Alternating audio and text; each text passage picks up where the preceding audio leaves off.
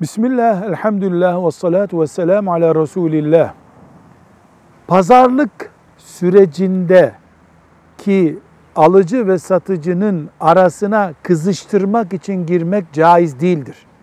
Yani birisi mesela bir arabayı pazarlık ediyorlar, görüşüyorlar, o arada çay içiyorlar.